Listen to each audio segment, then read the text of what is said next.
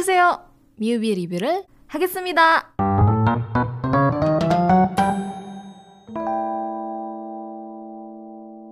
Oke langsung aja kita bahas yuk movie-nya Movie yang berjudul Stellar Ini uh, satu buah movie yang dirilis di tanggal 6 April 2022 Kalau misalnya kamu pengen nonton tersedia di video Terus ada di view ya Yang bisa kamu tonton di sana gitu.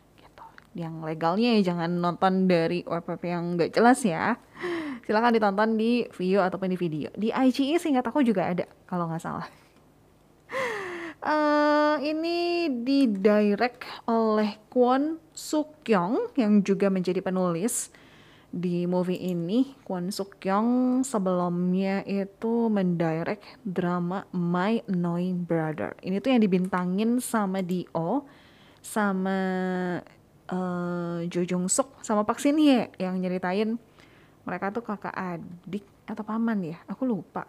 Kakak adik deh kalau nggak salah kakak adik tapi uh, beda beda ayah atau beda ibu gitu. Udah lama banget ini drama eh drama.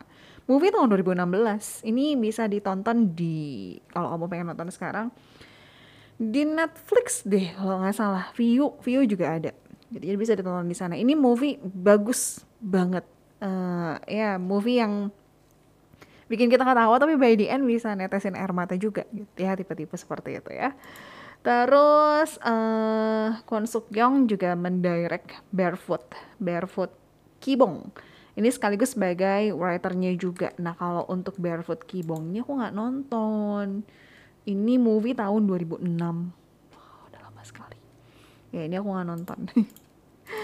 Ya, untuk movie Stellar selain Kwon Suk Young sebagai director dan juga penulis, penulisnya tuh dibantu juga oleh B Se Young um, beliau sebelumnya di tahun 2022 ini proyeknya ada dua Stellar sama satu lagi Life is Beautiful. Um, terus kalau movie-movie berikutnya ini banyaknya movie ya. Uh, Extreme Job. Wah ini sih juara ya. Ini tuh ada di View sama di Netflix. View baru masuk. Terus um, Intimate Stranger ini aku nggak nonton. Terus ada The Soulmate, kemudian In Love and the War dan lain-lain yang aku tonton dari karyanya beliau itu ya cuman Extreme Job sama Stellar gitu ya.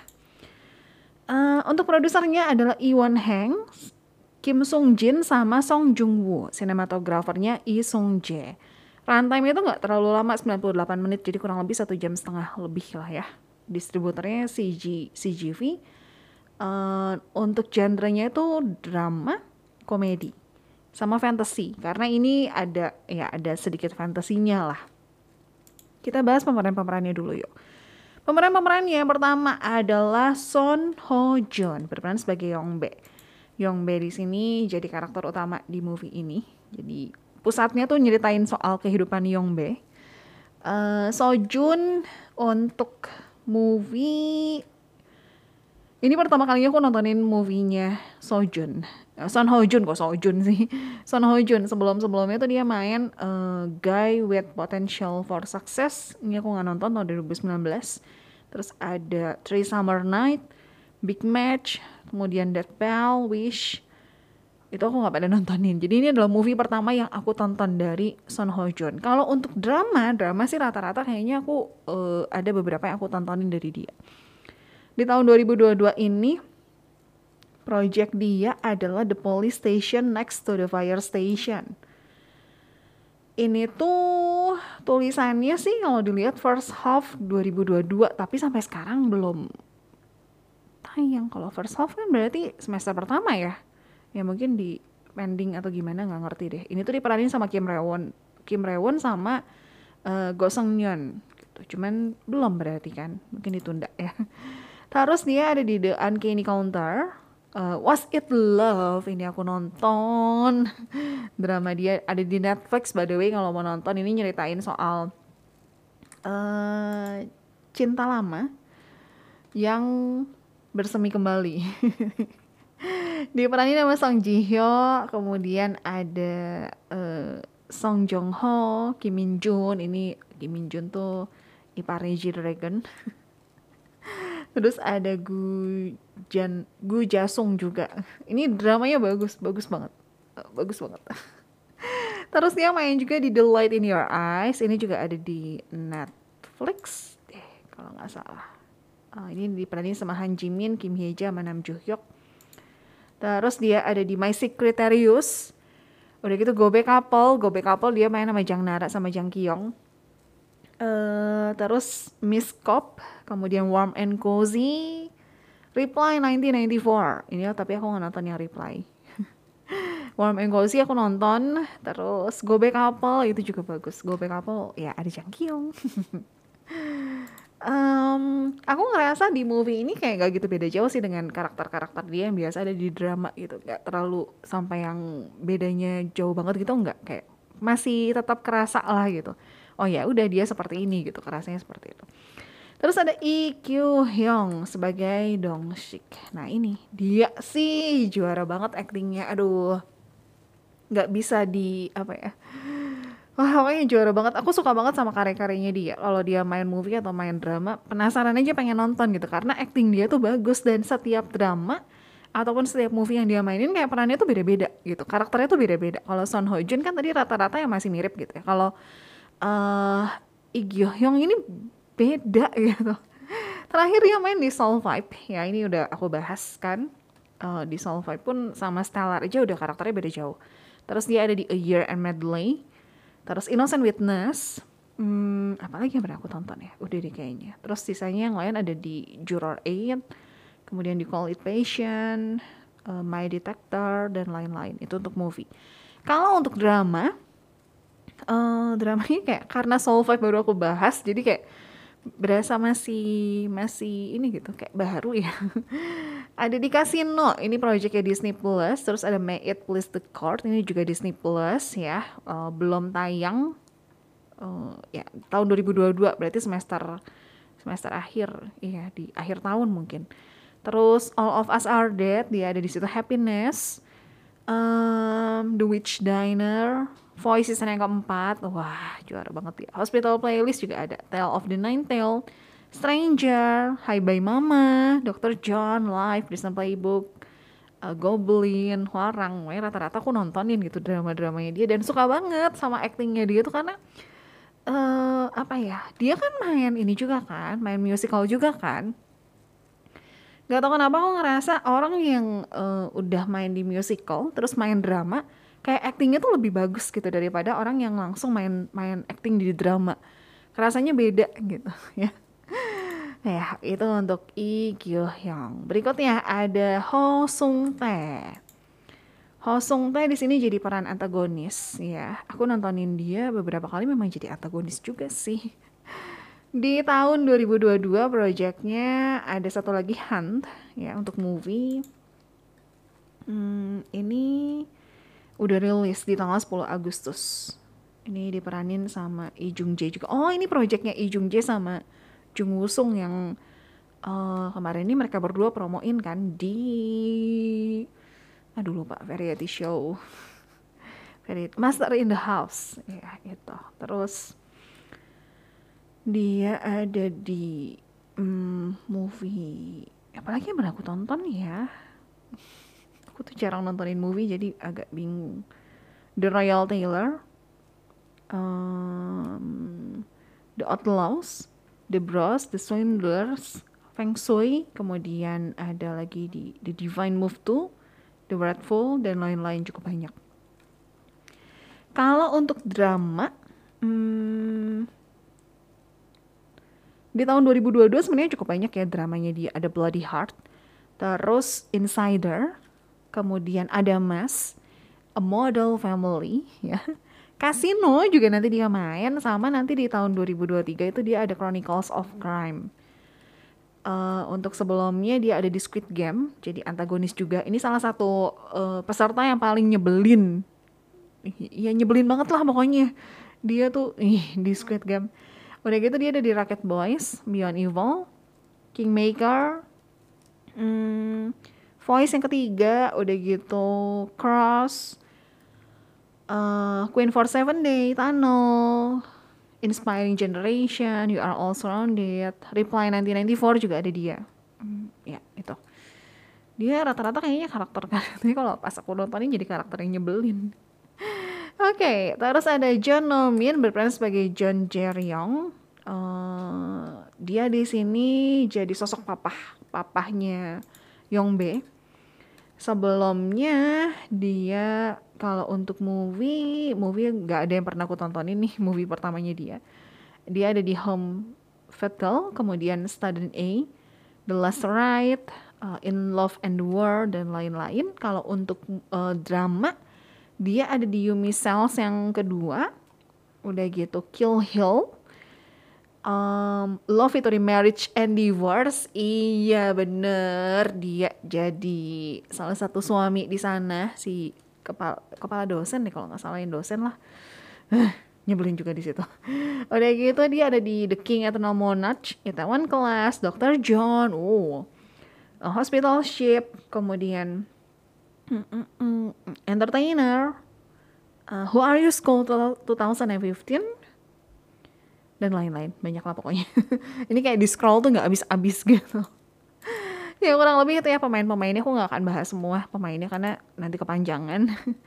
Jadi film ini film Stellar ini ditayangkan dengan rate usianya 15 tahun ke atas. Ya walaupun memang ini film fantasy drama komedi tapi ternyata tetap bisa bikin penontonnya meneteskan air mata atau nangis gitu. Karena uh, walaupun memang di awal kita langsung dibuka dengan komedi tapi tetap gitu kerasanya tuh begitu nonton terus eh sedih gitu film ini tuh nyeritain tentang Yongbe. Jadi uh, Yongbe ini anak sulung dari sebuah keluarga. Dia punya seorang adik perempuan. Uh, papa mamahnya berpisah waktu dia masih sekolah dan ini bikin dia benci banget sama papahnya.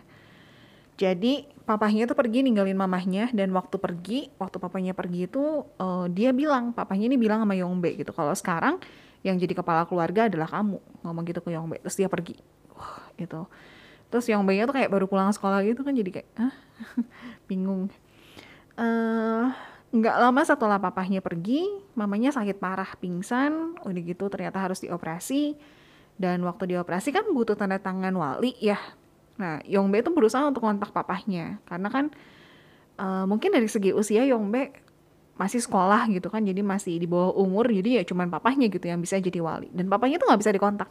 Sampai akhirnya mamanya meninggal dunia. Jadi bisa dibilang uh, itu jadi salah satu hal yang bikin Yongbe benci sama papahnya. Selain kepergian papahnya ninggalin keluarganya gitu kayak tidak bertanggung jawab. Jadi dia benci banget saking bencinya ya bahkan dengan tegas dia bilang gitu kalau buat dia buat Yongbe papanya tuh udah meninggal.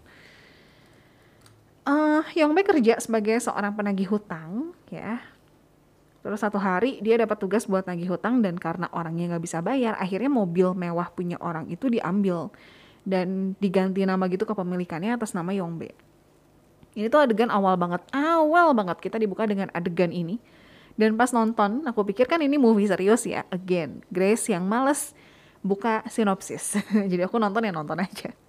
Tanpa tahu ini film apa terus begitu nonton wah ini kayak filmnya film berat nih tumben gitu kan dia main film berat ya uh, soalnya film ini tuh dibuka dengan adegan orang yang mau lompat dari atas gedung jadi aku pikir oh ini kayak film berat nih filmnya grace banget nih ternyata adegan penyelamatannya yang awalnya serius malah jadi komedi beneran itu aku ngakak sih terus sesudah itu baru aku browsing oh ternyata drama komedi fantasy Oke, kita balik lagi ke ceritanya. Harusnya mobil mewah itu, mobil mewah yang tadi uh, diganti nama kepemilikannya jadi Yongbe itu dikirim ke luar negeri.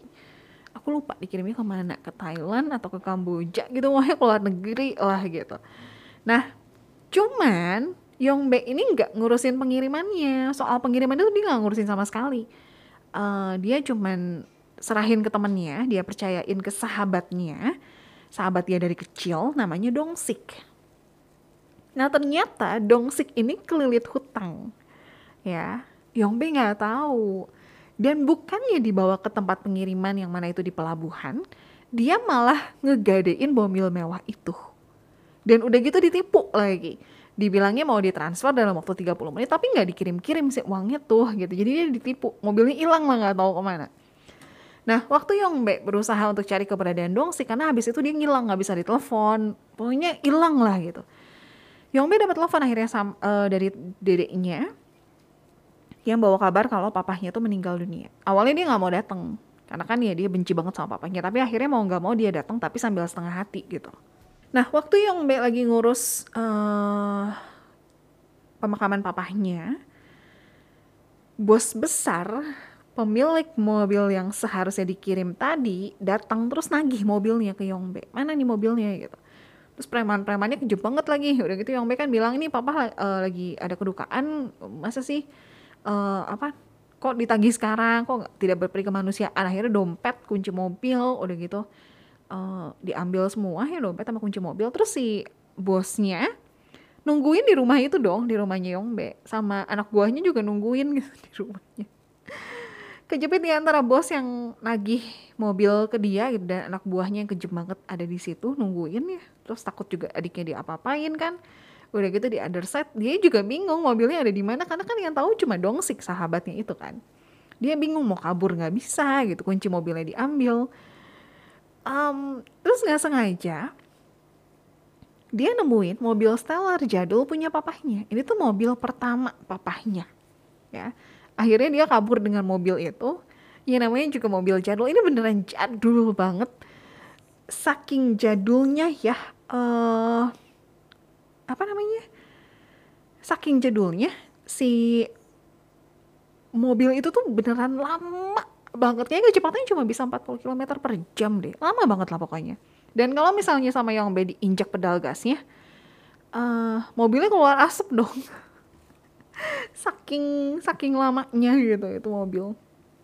Nah mobil ini adalah mobil pertama papahnya. Jadi dulu waktu papahnya beli mobil ini gitu mobil Stellar ini Yongbe tuh seneng dan bangga banget saking senengnya dia sampai bilang ke teman-temannya kalau misalnya teman-teman yang mau pegang mobilnya itu harus bayar gitu.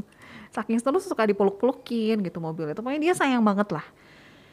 Dan ternyata di balik kepergian papahnya malam itu waktu papahnya bilang sekarang kamu yang jadi keluarga, uh, kepala keluarga ya? Ada fakta lain yang gak diketahui Yongbe ataupun adiknya yang justru bikin Yongbe ngerasa bersalah banget sama papahnya setelah tahu dan papahnya udah keburu meninggal. Uh, movie ini fokusnya nyeritain soal perjalanan Yongbe waktu dia lagi berusaha untuk cari keberadaan si mobil mewah itu. Waktu dia lagi cari Dongsik sahabatnya gitu, dia coba cari ke rumah ke ke rumah orang tuanya Dongsik.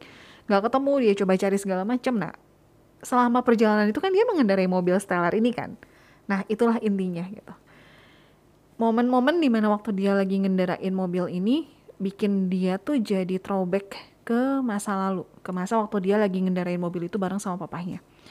Waktu nonton movie ini gemes banget ya lihat persahabatan antara Yongbae sama Dongsik. Gemesnya bukan gemes kesel, maksudnya gemes gemes lucu gitu. Karena persahabatan mereka tuh udah lebih daripada sekedar sahabat, tapi kayak udah kayak saudara sendiri gitu. Sampai saking deketnya, uh, orang tua masing-masing juga nganggap anak gitu. Jadi orang tuanya Dongsik yang nganggap anak ke Yongbe, orang tuanya Yongbe juga nganggap anak ke Dongsik.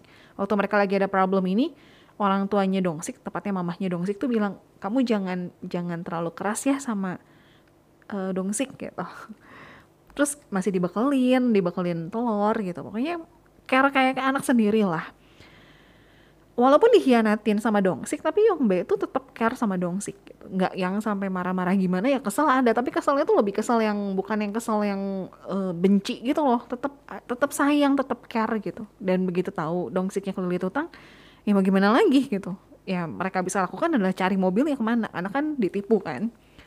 Terus di movie ini juga ada banyak banget kalimat-kalimat yang bikin mikir walaupun komedi tapi tiba-tiba ada keselip kalimat yang bagus gitu dan bikin mikir Kayak misalnya waktu Yongbe lagi nyetir mobil Stellarnya gitu. Terus waktu dia lagi nyetir, dia disalip sama satu truk atau mobil ya aku lupa.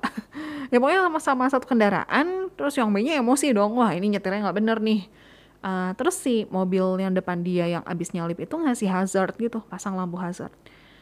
Uh, muncullah ingatan waktu dulu, waktu dia kecil dia diajak jalan-jalan sama papahnya, papahnya tuh ngajarin gitu uh, kalau misalnya ada mobil yang nyalip uh, mobil kita terus dia kasih hazard itu tuh artinya ngucapin terima kasih dan maaf gitu.